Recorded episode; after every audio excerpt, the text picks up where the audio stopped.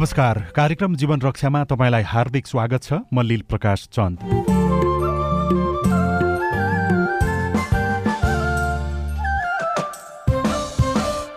सामाजिक शैक्षिक व्यावसायिक गतिविधि स्वास्थ्य सावधानी समसामयिक राजनैतिक परिवेशको बारेमा विशेष गरी यो कार्यक्रममा हामी छलफल गर्छौं। सामुदायिक रेडियो प्रसारक संघ अकुराबद्वारा सञ्चालित सिआइएनको प्रस्तुति यो हो कार्यक्रम जीवन रक्षा। कार्यक्रम जीवन रक्षा सिआइएन मार्फत मुलुकभरका सामुदायिक radio website CIN Khabar dot com Facebook page CIN Khabar CIN साझा खबर मोबाइल एप सिआइएनबाट पनि तपाईँ सुनिरहनु भएको छ।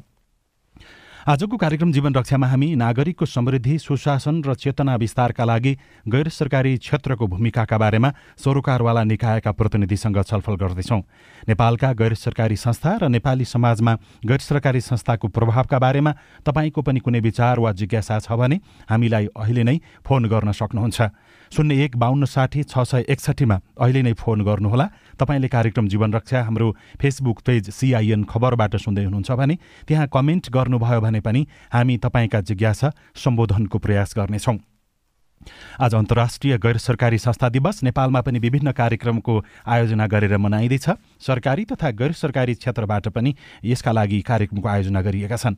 नेपालमा गैर सरकारी संस्था कति छन्? भएका सफल अभ्यास र चुनौतीका बारेमा कुराकानीका लागि सुरुमा हामीसँग गैर सरकारी संस्था महासङ्घका अध्यक्ष रामप्रसाद सुवेदी टेलिफोन सम्पर्कमा हुनुहुन्छ। खास गरी नेपालमा गैर सरकारी संस्थाहरूले गरेको राम्रा अभ्यास र कामहरू के छन् त्यसमा हामी केन्द्रित हुन्छौँ र गैर सरकारी संस्थाले ल्याउने स्रोतको सदुपयोगका लागि भइराखेको पहलको बारेमा पनि हामी कुराकानी गर्छौँ। गैर सरकारी संस्था महासङ्घका अध्यक्ष रामप्रसाद सुवेदी हामीसँग टेलिफोन सम्पर्कमा हुनुहुन्छ। अध्यक्षज्यू स्वागत छ कार्यक्रम जीवन रक्षामा। नमस्ते हजुर।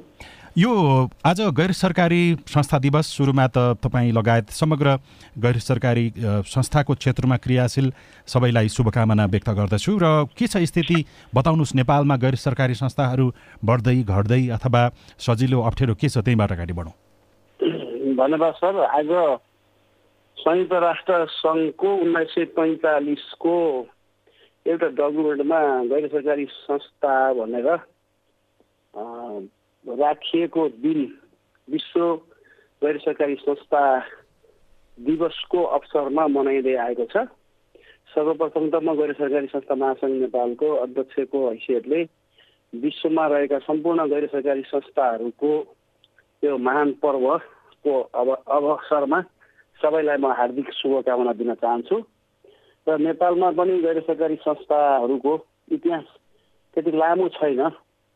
तथापि अहिले खुला दुई हजार छ्यालिस सत्तालिसको आन्दोलनपछि सङ्घ संस्था खोल्न पाउने अनि त्यसपछि आफ्ना विचारहरू राख्न पाउने जुन अधिकार प्राप्ति भयो त्यसपछि गैर सरकारी संस्थाहरू खोल्ने क्रम भयो र विकासको साझेदारीको रूपमा र मानव अधिकारका कुराहरू र पिछडिएको वर्ग अनि विभिन्न सवालहरूमा गैर सरकारी संस्थाहरूले भोइस राइज गर्ने र चाहिँ त्यो कुराहरू सचेतना गर्ने क्याम्पेन गर्ने कामहरू सुरु भएको छ। र अब सरले भन्नुभएको छ अब अहिले गैर सरकारी संस्थाहरूको स्थिति के छ भन्नुभएको छ। हामी संविधानमा नेपालको संविधानले राजनीतिक पार्टीलाई दल खोल्न दिएको अधिकार सरह नै हामीलाई सङ्घ संस्था खोल्ने अधिकार प्राप्त भएको छ। त्यही अनुरूप नेपालमा अब नागरिक संस्थाहरूलाई म सङ्घ संस्था खोल्ने आफ्ना कुराहरू राख्ने कुराहरू मौलिक हकको रूपमा परिभाषित गरिएको छ। तथापि दुई हजार बहत्तर सालको संविधानपछि मौलिक हकहरूमा ती कुराहरू व्यवस्थित गरिए पनि कानुन निर्माणको सन्दर्भमा उपयुक्त वातावरण बनेको देखिँदैन अर्थात् राजनीतिक पार्टीको चासोको विषय यो बन्न सकेको छैन। त्यसैले अहिले हामी पञ्चायती व्यवस्थामा बनिएका कानुनहरूमा चल्न बाध्य भएका छौँ। यो हिसाबले कुरा गर्ने हो भनेदेखि दुई हजार बहत्तर पछि नेपालका नागरिक सङ्घ संस्थाहरूको स्पेस सङ्कुचन भएको अनुभूति हुन थालेको छ। दुई हजार बहत्तर पूर्व स्थानीय तहदेखि योजना प्लानिङ गर्दाखेरि वडा टोल संस्थाहरूलाई अनिवार्य रूपमा त्यहाँ सहभागिता गराइन्थ्यो उनका कुराहरू सुनिन्थ्यो। महिलाको सवाल जनजातिको सवाल दलितको सवाल पिछडिए परेको सवाल अपाङ्गको सवाल वातावरणीय सवाल थुप्रै सवालहरूमा नागरिक संस्थाहरूलाई योजना तर्जुमाको सन्दर्भमा बजेटको सन्दर्भमा कुराहरू राखिन्थ्यो र विकासका साझेदारीको रूपमा लिइन्थ्यो। जब यो बहत्तर सालपछि जनप्रतिनिधिहरू आउने कुराहरू सुरु भयो त्यसपछि जनप्रतिनिधिको तजबिजीले सहभागिताका कुराहरू हुन्छ र नागरिक संस्थाहरूले स्थानीय तहसँग काम गरौँ भन्ने हो भने पनि अनि त्यसपछि खरिद ऐनले मिल्दैन यो हाम्रो ऐनमा छैन भनेर तर्काइने कामहरू गरिएको छ। यसले गर्दाखेरि स्थानीय स्तरमा रहेका आमा समूहहरू क्लबहरू अनि विभिन्न सञ्जालहरू अनि त्यसरी सामाजिक क्षेत्रमा काम गर्ने संस्थाहरूलाई ओझेलमा पार्ने काम गरिएको छ जसको परिणाम अहिलेको कुरा गर्ने हो भनेदेखि नागरिक सङ्घ संस्थाहरूको स्थिति सङ्कुचन भएको छ सर। अनि यसमा त तपाईँले दुईवटा कुरा भन्नुभयो। एउटा नीतिगत रूपमा जुन व्यवस्था गरिनु पर्थ्यो त्यो नगर्दाखेरि पुरानै त्यो जुन व्यवस्थाको आधारमा अगाडि बढ्नुपर्ने कुरा भन्नुभयो। त्यो नयाँ बनाउनको लागि त अनि तपाईँहरूको छलफल तपाईँहरूको प्रयास नपुगेको हो कि? अब सबै सरकारले जुनसुकै सरकार आए पनि त्यसमा सकारात्मक पाइएन भन्ने हो कि? के छ त विचार? अब खास गरेर यसको कुरा गर्दाखेरि बाह्र तेह्रवटा चाहिँ मसौदाहरू बनेका छन्। हाम्रो सरकार के हो भनेदेखि अन्तर्राष्ट्रिय कानुनहरू नेपालको संविधानले दिएको अधिकारहरू सङ्कुचन नहुने गरी ऐनहरू ल्याउनु पर्ने हुन्छ। र अहिले हामी अन्तर्राष्ट्रिय गैर सरकारी संस्थाहरू जुन कानुनमा हामी गाइडेड छौँ जस्तो संस्था दर्ता ऐन दुई हजार चौतिस राष्ट्रिय निर्देशन ऐन दुई हजार अठार र समाज कल्याण ऐन दुई हजार उनपचास। यो तिनवटा ऐनलाई एकीकृत गरेर एउटा चाहिँ ऐन सामाजिक विकास ऐन ल्याउनुहोस् भनेर हामी भनिरहेका छौँ। र यसमा थुप्रै ड्राफ्टहरू भए तर यो चाहिँ तस कस्तो भयो भन्दाखेरि ब्युरोक्रेसीको तजविधि र राजनीतिक पार्टीको चाहिँ प्राथमिकताको विषय भएन। त्यो हिसाबले गर्दाखेरि यो कानुनहरू आउन नसकेको हो र हामीले यो कानुनको बारेमा कुरा उठाएको बिस वर्षभन्दा बढी भइसक्यो। र अन्तिममा हामीले अघिल्लो सरकार जुन ओलीको सरकार थियो त्यो बेला केपी ओलीको सरकार हुने बेलामा हामीले चाहिँ एउटा ड्राफ्ट चाहिँ माथि छलफल चलाउँदै थियौँ अनि सरकार परिवर्तन भयो र अब यो पहिलो कुरा के छ भन्नुहुन्छ भने यो कुन मन्त्रालयभित्र जाने भन्ने चलखेल छ। र राष्ट्रपतिको सम्बोधनमा सामाजिक एकीकृत विकास ऐन ल्याउने र यो समाज कल्याण जुन एकीकृत विकास ऐन चाहिँ ल्याउँदाखेरि महिला बालबालिका तथा ज्येष्ठ नागरिक मन्त्रालयबाट ल्याउने भन्ने त्यो राष्ट्रपतिको सम्बोधनमा आएको थियो। त्यसपछि केही ड्राफ्टहरू बने। अब त्यसले गर्दाखेरि एउटा गृह मन्त्रालयको इन्ट्रेस्ट अर्को चाहिँ सङ्घीय मन्त्रालयको इन्ट्रेस्ट अनि अर्को महिला बालबालिका मन्त्रालयको इन्ट्रेस्ट यो तिनवटाको चाहिँ तानातानको एउटा चाहिँ कोपवाजन हामी हुन पुगेका छौँ एउटा कुरा। यहाँनिर जस्तो अब प्रधानमन्त्री कुन व्यक्ति अथवा कुन पार्टीबाट भयो अथवा महिला बालबालिका मन्त्रालय कसको भागमा पर्यो अथवा समाज कल्याण परिषदमा को छ भन्ने कुराले यहाँनिर यो भइराखेको अथवा जुन तलमाथि भइराखेको स्थिति हो कि होइन भने त अब यदि गैर सरकारी संस्थाले राम्रै गर्न खोजेका छन् भने सम्बन्धित अथवा अमुक राजनैतिक दलको व्यक्ति प्रधानमन्त्री भयो कि भएन अमुक राजनैतिक दलको मन्त्री त्यहाँ मन्त्रालयमा पुग्यो कि पुगेन भनेर तपाईँहरूले त्यो बाटो खुरिराख्नुपर्ने स्थिति त आउन नपर्ने होइन र? त्यो आउन नपर्ने हो तर बाध्यको स्थिति के बन्यो भनेदेखि यो संस्थालाई हेर्ने नजरिया हुन्छ नि। त्यो नजरिया राजनीतिक पार्टीमा पनि छ र अब प्रधानमन्त्री अथवा चाहिँ मन्त्रालयका जिम्मेवारी प्राप्त गर्ने मन्त्रीहरूमा देखिन्छ। त्यो बेला हामीले अलिकति सामाजिक क्षेत्र बुझेको पार्वत गुरुङ त्यो बेला महिला बालबालिका मन्त्री हुनुहुन्थ्यो। अलिकति हामीले उहाँलाई चाहिँ कन्भिन्स गर्न अथवा उहाँलाई चाहिँ हामीले यो कुराहरू बुझाउन सफल भएका थियौँ। त्यसपछि उमा अधिकारी हजुर उमा अधिकारी रेग्मी आउनुभयो र उहाँसँग हामीले धेरै प्रयत्न गरेर विषयमा र त्यो सम्भव हुन सकेन। अब यो चाहिँ अहिले पनि हामी सुन्छौँ गृह मन्त्रालय ल्याउँदैछ अरे पनि भन्ने सुनिन्छ। तर अहिले नागरिक जुन सरकार सरकारवालाहरूको विषयमा ऐन ल्याउनु पर्ने हो नागरिक संस्थाहरू मिडियाहरू अब विभिन्न महासङ्घहरूलाई राखेर छलफल गर्नुपर्ने हो त्यो छलफल गरेको हामीले कहिल्यै पनि अनुभूति गर्न पाएका छैनौँ। अध्यक्ष जस्तो यहाँनिर कुनै राजनीतिक कुन राजनीतिक अब राजनीतिले मुख्य नीति यही हो भनिन्छ तर राजनीति पछिल्लो समयमा कस्तो अवस्थाबाट गुज्रिराखेको छ तपाईँले पनि थाहा पाउनु भएको छ र जसले सुन्दै हुनुहुन्छ उहाँहरूलाई पनि थाहा भइराखेको छ। यो एउटा गैर सरकारी संस्थाले विशुद्ध एउटा स्वतन्त्र रूपमा भन्दा पनि कुनै राजनैतिक दलसँगको निकटता अथवा विकटताको कारणले गर्दाखेरि यस्तो अवस्था आएको मान्नुहुन्छ कि मान्नु न तपाईँ? त्यो निकटता विकटताले होइन हेर्नुहोस् यो प्राथमिकताको विषय नपरेको हो भन्ने मलाई लाग्छ किनभने नेपालका गैर सरकारी संस्थाहरू कहीँ न कहीँ विचार राख्छन् होला प्रतिनिधित्व गर्ने होलाले होइन? सबैलाई यो आवश्यकता छ त्यति मात्रै होइन गैर सरकारी संस्थाको मात्रै यो कुरा होइन। राष्ट्रिय निर्देशनको ऐनको कुरा गऱ्यो भनेदेखि पत्रकार महासङ्घको पनि त यो यो महत्त्वपूर्ण छ बार एसोसिएसनलाई पनि महत्त्वपूर्ण छ अनि वन महासङ्घलाई पनि महत्त्वपूर्ण छ नि तर तपाईँले यी सबै महासङ्घहरू त फेरि अब त्यहाँ पनि त राजनीतिक छिरेको घुसेको भनेर आलोचना मुक्त त छैनन् होइन? जे होस् समग्रमा अब यदि यो जुन गैर सरकारी क्षेत्रको समस्या समाधानको लागि नीति नियम बनाउँदै जानुपर्ने हो भने प्राथमिकता पनि हुन्छ होला जस्तो पहिलो चरणमा यो त नगरी नहुने भन्ने होला त्यो दोस्रो प्राथमिकतामा यो ल्याउनु पर्यो तेस्रोमा यो ल्याउनु पर्यो होला भन्ने होला। तपाईँको के छ एक दुई तिन भन्नु पर्दाखेरि यो कुरा चाहिँ पहिलो कुरा चाहिँ ऐनै ल्याउनु पर्यो यसलाई के भन्दाखेरि अहिले हामी तिनवटा ऐनले गाइडेड छौँ। हामी के चाहन्छौँ भने एउटा ऐनले गाइडेड होस् भन्ने चाहन्छौँ। त्यो ऐन भनेको सामाजिक विकास ऐन भनेर लिएर आयो भने नेपालका सबै नागरिक संस्थाहरू अटाउने किसिमको लिएर आउनुहोस् र त्यो ल्याउनु मात्रै ठुलो ऐन आउनु मात्रै ठुलो कुरा होइन। हामीले संविधानमा प्राप्त गरेको मौलिक हकहरूको चाहिँ इन्स्योर हुन्छ कि हुन्न संविधानमा? त्यो महत्त्वपूर्ण कुरा हो। अब त्यो हिसाबले अब अहिले भएको ऐनभन्दा पनि पूर्वाधारै किसिमले ल्याइयो भने त हामीलाई स्वीकार हुँदैन। त्यो भएको हुनाले हामी के चाहन्छौँ भने मैले अघि पनि तपाईँलाई भने अन्तर्राष्ट्रिय मानव अधिकारका मान्यता प्राप्त कानुनहरू र नेपालको संविधानले दिएको अधिकार जुन मौलिक हक अधिकार छ त्यो भित्र रहेर त्यसलाई चाहिँ सम्मान गर्दै आउनु पर्यो नि होइन आउँदा अध्यक्षज्यू हामीसँग यदि कोही टेलिफोन सम्पर्कमा हुनुहुन्छ प्रश्न वा विचार राख्नको लागि तपाईँसँग उहाँको कुरा सुनौँ त्यसपछि कुराकानी अगाडि बढाउँला। हेलो? हजुर हेलो? हेलो नमस्कार हजुर म सिन्धुपाल्चोकबाट कृष्ण बानी हजुर। हजुर के छ तपाईँको प्रश्न विचार छोटकरीमा राख्नुहोस् म छोटकरीमा राखेँ सर यो गैर सरकारी संस्थाको चाहिँ यो उपलक्ष्य जुन आजको उपलक्ष्यमा विशेष गरेर शुभकामना भन्दै म चाहिँ के भन्छु भने यो नेपालको राष्ट्रिय राजनीतिभित्र हाम्रो नेपाल सरकारले जति पनि नेपाली जनतालाई राहत र चाहिँ एउटा चाहिँ विकास गर्न पर्ने जुन अब बाटो थियो त्यो सबै बाटो गैर सरकारी संस्थाहरूले रोकिदिएको भन्ने महसुस मैले गरेको छु।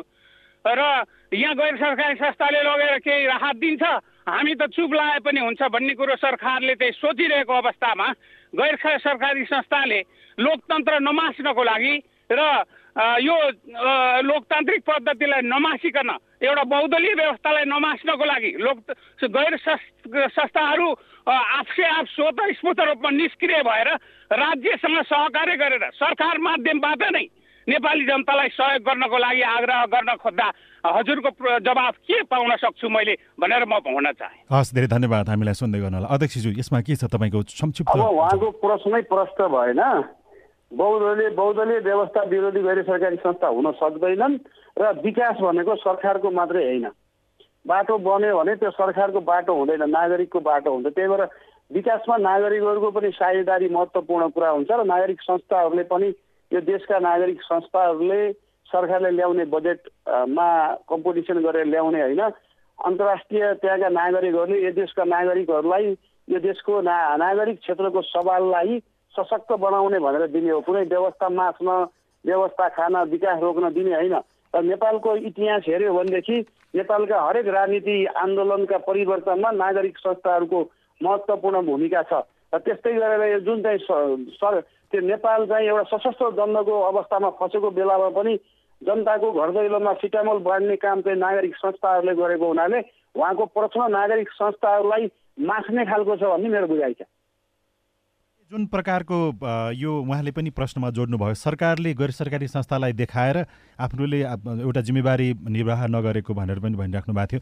अहिले सङ्ख्यात्मक रूपमा वर्षे नै हामी संस्था गैर सरकारी संस्थाहरू यति बढिरहेका छन् अथवा अहिलेसम्म यति भए सुरुमा यति थिए सङ्ख्या भन्ने चाहिँ के छ तथ्याङ्क अब यो नेपालको अब ऐन नै प्रष्ट छैन हेर्नुहोस्। एउटा खैजडी मुजुवा बजाउने संस्था पनि संस्था दर्ता दुई हजार चौतिसमा छ। व्यावसायिक संस्था उद्योग वाणिज्य सङ्घ पनि संस्था दर्ता ऐन दुई हजार चौतिसमा छ रेडक्रस पनि संस्था दर्ता ऐन दुई हजार चौतिसमा छ र सामाजिक क्षेत्रमा काम गर्ने सङ्घ संस्थाहरू नि त्यो ऐनभित्र छन् भने एउटा रत्यौली खेल्ने आमा समूह पनि त्यहाँभित्र छ। त्यो भएर यसो समग्रमा हेऱ्यो भने देशमा एक लाखभन्दा बढी सङ्घ संस्थाहरू दर्ता भएको स्थिति देखिन्छ। र समाज कल्याण परिषदमा हेऱ्यो भनेदेखि पचास हजारभन्दा बढी सङ्घ संस्थाहरू दर्ता भएको देखिन्छ। तर नेपालको अहिलेको स्थिति हेर्दाखेरि अहिले नेपालका संस्थाहरू सङ्कुचन हुने अवस्थामा देखिएको छ। किन भन्दाखेरि यो सरकारको जुन नीति छ साझेदारीको नीति यसले गर्दाखेरि अहिले स्रोतको अभाव पनि एउटा म चाहिँ महत्त्वपूर्ण सङ्कुचनको स्थिति हो। र अब अहिले भन्यो भनेदेखि देशभित्र एक्काइस हजार एक्काइस सय सङ्घ संस्थाहरू एक्टिभली काम गर्नेछन् र त्यो मध्ये पनि आफ्नै स्रोत भवन भएका संस्थाहरू चाहिँ नियरली छ सय संस्थाहरू छन्। अब त्यो हिसाबले अहिले दुई हजार बहत्तर पछि नेपालका सामाजिक सङ्घ संस्थाहरू सङ्कुचन भएको अनुभूति भइरहेको छ। अब यसको लागि जुन यो जुन तपाईँले भन्नुभयो एक्काइस सय सक्रिय भए छ सयको आफ्नै भवन त्यहाँ सञ्चालन गरिएको भनेर यिनीहरूको स्थायित्व अलि अझ बढी भर पर्दो होला। पछिल्लो जुन यो आर्थिक मन्दीको स्थिति रुस युक्रेनको जुन यो पछिल्लो चरणको लडाइँ यसको प्रभाव गैर सरकारी संस्था क्षेत्रमा कतिको परिरहेको छ? अब त्यसको पनि पर्छ हेर्नुहोस्। अब देशमा नागरिक संस्थाहरूलाई दिगो विकासतिर लाने हो भनेदेखि एउटा नागरिक संस्थाहरूलाई विकासको साझेदारी रूपमा सरकारले लिनुपर्छ। जस्तो नेपालको अहिलेको बहत्तर पछिका सरकार बनेका सरकारको पर्फर्मेन्स हेऱ्यो भनेदेखि उहाँहरूको चाहिँ पुँजीगत खर्च हन्ड्रेड पर्सेन्ट छ तर चाहिँ उहाँहरूको विकास बजेट जम्मा पचास प्रतिशत मुस्किलले खर्च हुन्छ त्यही पनि बिस तिस पर्सेन्ट चाहिँ उहाँको जेठ अथवा मात्रै हुन्छ। यो हिसाबले सरकार आफै पनि बजेट खर्च गर्न सकिरहेको छैन तर नागरिक सङ्घ संस्थाहरू चाहिँ काम नपाएर बसिरहेको अवस्था छ।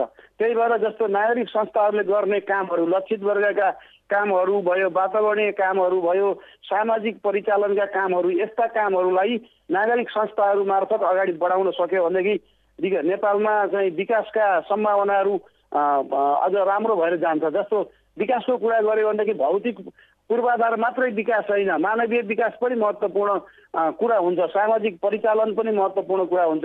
यी कुराहरूमा सरकारको लगानी अहिले छायामा परेको छ। विकास बजेट टोटल हेऱ्यो भने पनि सत्तरी असी प्रतिशत बजेटहरू चाहिँ बाटो बनाउने भवन बनाउनेमा खर्च भएको छ। शिक्षामा स्वास्थ्यमा रोजगार सिर्जना सिर्जनामा सचेतनामा चाहिँ न्यून बजेटहरू परिचालन गरिएको छ र त्यसमा पनि नागरिक संस्थाहरूले त्यो कामहरू गर्नै पाएका छैनन्। ब्युरोक्रेसीले आफ्नो होल्डमा राख्ने र खरिद ऐन देखाएर हामीलाई त्यहाँ चाहिँ साझेदारीको चाहिँ अवसरहरूबाट वञ्चित गरिएको छ हजुर। अनि यसमा अहिले समाज कल्याण परिषद छ समाज कल्याण परिषदको भूमिका के छ? हामीले समाज कल्याण परिषदका दुईजना व्यक्तिसँग कुराकानीको लागि समय लिएका थियौँ। यद्यपि उहाँहरू पछिल्लो समयमा आएर सम्पर्कमा आइराख्नु भएको छैन। यो परिषदको भूमिका के छ तपाईँहरूको विचारमा? अब यो परिषदको भूमिका भन्ने भनेदेखि नेपालमा कुनै पनि संस्थाहरू जस्तो मानव अधिकार राष्ट्रिय मानव अधिकार आयोग छ विभिन्न आयोगहरू छन् र यो यो यो यो पनि गैर सरकारी संस्थाहरूलाई गाइडेड गर्ने जुन समाज कल्याण परिषद छ यिनीहरूलाई सशक्त बनाउन सरकार चाहँदैन एउटा कुरा। दोस्रो कुरा अहिले चाहिँ यो समाज कल्याण परिषदको कुरा गऱ्यो भने अहिले समाज कल्याण परिषदलाई एक रुपियाँ पनि सरकारले बजेट छुट्याएको स्थिति छैन। किनभने यसलाई सशक्त बनाउन उहाँहरू चाहनुहुन्न। समय अनुकूल परिमार्जन गर्न पनि चाहनुहुन्न। मात्र राजनीति नियुक्ति गर्ने अन्तर्राष्ट्रिय गैर सरकारी संस्थाहरू र चाहिँ यहाँका संस्थाहरूलाई विभिन्न बाहनामा हडल खडा गर्ने र त्यहाँ माथि शासन गर्ने र उहाँहरूलाई चाहिँ यो वातावरण मैत्री बनाउन उहाँहरू लाग्नु नै भएको छैन। अनि अहिले पछिल्लो समयमा गैर सरकारी संस्थालाई लाग्ने आरोप भनेको उनीहरूले पैसा बजेट चाहिँ ल्याउँछन् तर त्यो बजेट पारदर्शी राख्दैनन्। त्यसबारेमा सरकार छ जस्तो समाज कल्याण परिषद त एउटा सरकार माधतको एउटा निकाय हो। त्यहाँ बढी पारदर्शी हुन नचाहने अथवा सम्पर्कमा नरहने अनि आएको पैसामध्ये अधिकांश त्यहाँको कर्मचारीको लागि तलबमा खर्च गर्ने थोरै लगेर सेवाग्राहीमा जाने गरेको भनेर आरोप त खेपिराख्नु भएको छ नि। अब यो आरोप कस्तो हो भन्नुहुन्छ भने यो चाहिँ उहाँहरूको एउटा गैर सरकारी संस्थाप्रतिको आक्रोश हो भन्ने मलाई लाग्छ। किन भन्दाखेरि हामी राष्ट्रिय ऐन कानुन मान्छौँ भनेर दर्ता भएका छौँ र हामी हरेक वर्ष साधारण सभा गर्छौँ। हामी नेपाल सरकारले मान्यता प्राप्त गर्ने अडिटरहरूबाट अडिट गराउँछौँ र नेपाल सरकारको एघार ठाउँमा हामीले चाहिँ रिपोर्ट बुझाउँछौँ हरेक वर्ष। गैर सरकारी संस्थाले।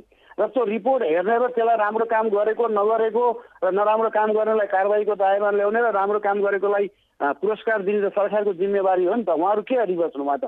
हाम्रो रिपोर्टहरू चाहिँ वडामा जान्छ पालिकामा जान्छ सिडिओ कार्यालयमा जान्छ जिल्ला समन्वय जान्छ अनि त्यसपछि अडिट हाम्रो चाहिँ के अरे आन्तरिक राजस्व कार्यालयमा जान्छ अनि त्यसपछि गएर समाज कल्याण परिषदमा जान्छ। हाम्रो यत्रो ठाउँमा हाम्रो रिपोर्ट जान्छ भने उहाँहरू त सरकारको अनुगमन गर्ने अङ्ग हो नि त। यदि हाम्रो गलत गल्ती गरेका छौँ भने उहाँले कारवाही गर्दा हुन्छ हामी वेलकम गर्छौँ। तर चाहिँ कुनै एउटा बाहनामा अनावश्यक दुःख दिनु त भएन नि। अनि यो गैर सरकारी संस्थाहरू पनि जति जति दुर्गम ठाउँमा जति धेरै सङ्ख्यामा जानुपर्ने हो सुगम क्षेत्रमा मात्रै अथवा जहाँ जहाँ अनुकूल छ जुन जहाँ चाहिँ अन्तर्राष्ट्रिय निकायले त्यो प्राथमिकता खोजिराखेको छ त्यो क्षेत्रमा गइराखेको स्थिति हो कि होइन अहिलेको अवस्थामा? अब हामी काम गर्ने भनेको नेपाल सरकारको विकासको साझेदारी भएर काम गर्ने हो। र नेपाल सरकारले विकासका सूचाङ्कहरू तय गरेको छ त्यो अनुसार काम गर्ने। जस्तो अहिलेको स्थितिमा भन्नुहुन्छ भने हाम्रो अन्तर्राष्ट्रिय गैर सरकारी संस्था र राष्ट्रिय गैर सरकारी संस्थाहरू पनि प्रदेश मध्य प्रदेश दुई नम्बर प्रदेशमा र कर्णाली प्रदेशमा बढी लक्षित भएको हामी देख्छौँ। त्यो के किन भयो त्यहाँ भन्दाखेरि विकासको सूचाङ्कले त्यहाँ जाउँ भन्यो। यसको अर्थ हामी के भन्न चाहन्छौँ भनेदेखि सरकारले जहाँ गएर काम गर भन्छ हामी त्यहीँ गएर काम गर्ने हो। अब कहिले कहिले आरोपी चाहिँ आरोपहरू के हुन्छ भन्नुहुन्छ भने अब कुनै नेताको चाहिँ पालिकामा गएर काम गरिदिएन भनेर आरोप लाग्ने गर्छ कुनै कर्मचारीको चाहिँ जिल्लामा गइदिएन भनेर आरोप लाग्छ। अब अहिले कहिले कहिले के हुन्छ भने समाज कल्याण मन्त्री जो भयो नि महिला बालबालिका ज्येष्ठ नागरिक उहाँको मन्त्रालय उहाँको चाहिँ जिल्लामा सबै सङ्घ संस्थाले अनिवार्य चाहिँ बजेट एलोकेट गरेर नै अहिले चाहिँ त्यहाँ समाजकरण परिषदबाट मेरो फाइल एप्रुभै नहुने स्थिति पनि छ।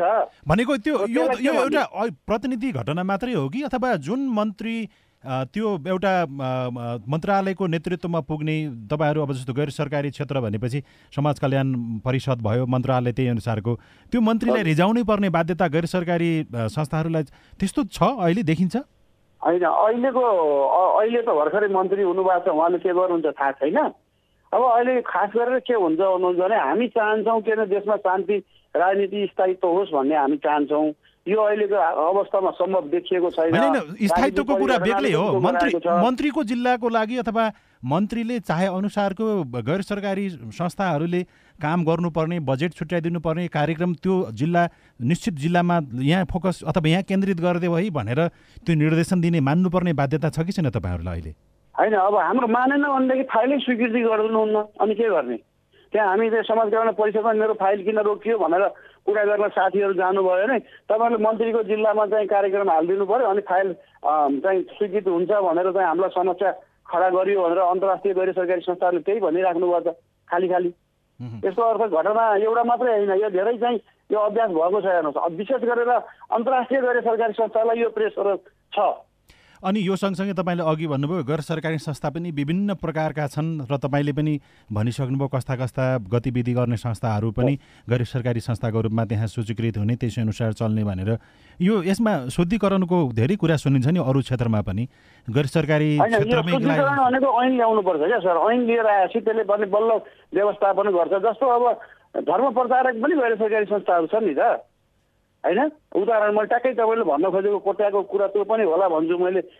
एउटा चाहिँ गैर सरकारी संस्थाहरूको व्याख्या हुनु पर्यो अनि चाहिँ वर्गीकरण हुनु पर्यो अनि त्यसलाई हेर्ने निकायहरू चाहिँ कुन हो त्यसलाई प्रष्ट गरिदिनु पर्यो अब निकाय अहिले चाहिँ तिनवटा निकायले अहिले हेर्छ गृहले हेर्छ अनि त्यसपछि गएर सङ्घीयले पनि केही कुराहरू हेर्छ र अनि त्यसपछि महिला बालबालिका ज्येष्ठ नागरिक मन्त्रालयबाट हेर्छ। होइन? अब हामी कसको नियम मान्ने? समस्या त्यहाँ छ नि त। अनि यो सँगसँगै यसमा अब थप आगामी दिनमा यदि अब नीति नियम बनेन भने पनि तत्काल समन्वय गर्ने कुरा अथवा गैर सरकारी संस्थाले पनि आफ्नो एउटा सिद्धान्त अनुसार अगाडि बढ्ने कुरामा चाहिँ यो नीति नबन्दासम्म अब यस्तै भद्रगोल अथवा अहिले जसरी चलेको छ अहिले पनि नियम त्यो ऐन नबन्दाखेरि पनि पुरै बिग्रेको त केही छैन होला नि त भत्केको केही छैन होला। हामी यो यो स्थितिबाट गुज्रिराखेका छौँ भन्ने के छ? अब हामी के चाहन्छौँ भने नेपालका गैर सरकारी संस्थाहरूको व्यवस्थापन व्यवस्थित तरिकाले गरियोस् एकद्वार प्रणाली बनाइयोस् हाम्रोमा आउने अन्तर्राष्ट्रिय सहायताहरू एकद्वार मार्फत आओस्। जस्तो अहिले अन्तर्राष्ट्रिय सहायताको कुरा गऱ्यो भनेदेखि वन मन्त्रालयले पनि जिटिजी मार्फत काम गरेको छ अर्थ मन्त्रालयले पनि गरेको छ अनि स्वास्थ्य मन्त्रालयले पनि गरेको छ शिक्षा मन्त्रालयले पनि गरेको छ अनि त्यसपछि समाज कल्याण मन्त्रालय परिषदबाट पनि आएको छ। यो विभिन्न ढोकाबाट आउँदाखेरि अहिले अन्तर्राष्ट्रिय सहायता कति आयो भनेर एकीकृत तथ्याङ्क पनि छैन। त्यही भएर हाम्रो नेपालमा एक रुपियाँ आउँछ अन्तर्राष्ट्रिय सहायता भने एकद्वार प्रणालीबाट आओस् भन्ने हाम्रो भोइस हो सरकारले त्यो गर्न सकेको छैन। त्यो भएर यसलाई व्यवस्थित गर्ने हो भनेदेखि कानुन ल्याउनु पर्यो एकद्वार प्रणाली बनाउनु पर्यो अनि त्यसपछि गएर बल्ल पो व्यवस्थित हुन्छ। अहिले त कानुन पनि तिन चारवटा छ प्रणाली पनि द्वारहरू पनि विभिन्न द्वार छन् यहाँ दस द्वार छन्।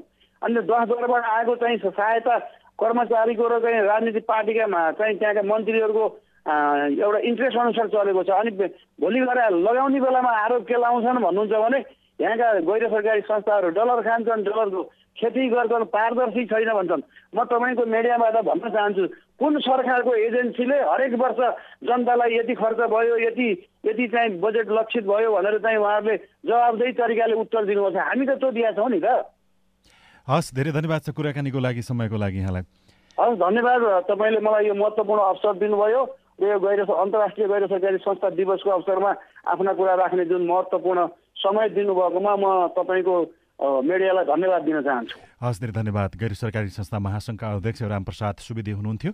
आज अन्तर्राष्ट्रिय गैर सरकारी संस्था दिवस। त्यो दिवसको अवसरमा नेपालमा सञ्चालनमा रहेका गैर सरकारी संस्थाका सफल अभ्यास र चुनौतीको विषयमा कुराकानी गऱ्यौँ यो सँगै कार्यक्रमको समय सकिएको छ। कार्यक्रम सुनिसकेपछि तपाईँको मनमा उठेका प्रश्न र कुनै विचार भए हामीलाई पठाउन वा लेख्न सक्नुहुनेछ। नेपालका गैर सरकारी संस्थाहरूको नियमनको लागि उनीहरूलाई चुस्त दुरुस्त राख्नको लागि सरकार मातहतको निकायको भूमिका के छ कस्तो हुँदैछ। त्यसबारेमा हामीले समाज कल्याण परिषदका दुईजना व्यक्तिसँग कुराकानीको लागि समय लिएका थियौँ। यद्यपि पछिल्लो समयमा आएर उहाँहरूले कुराकानी गर्न चाहनु भएन। र हामीलाई कुनै जिज्ञासा विचार राख्न चाहनुहुन्छ भने साझा खबर एट जिमेल डट कम हो। आइबिआर नम्बर शून्य एक बाहन्न साठी छ सय छयालिसमा फोन गरेर दिइएको निर्देशनअनुसार आफ्नो विचार रेकर्ड गर्न सक्नुहुनेछ। प्राविधिक साथी सुनिल राज भारतलाई धन्यवाद दिँदै रेडियो कार्यक्रम जीवन रक्षाको आजको अङ्कबाट हामी सबै विदा हुन्छौँ। नमस्कार।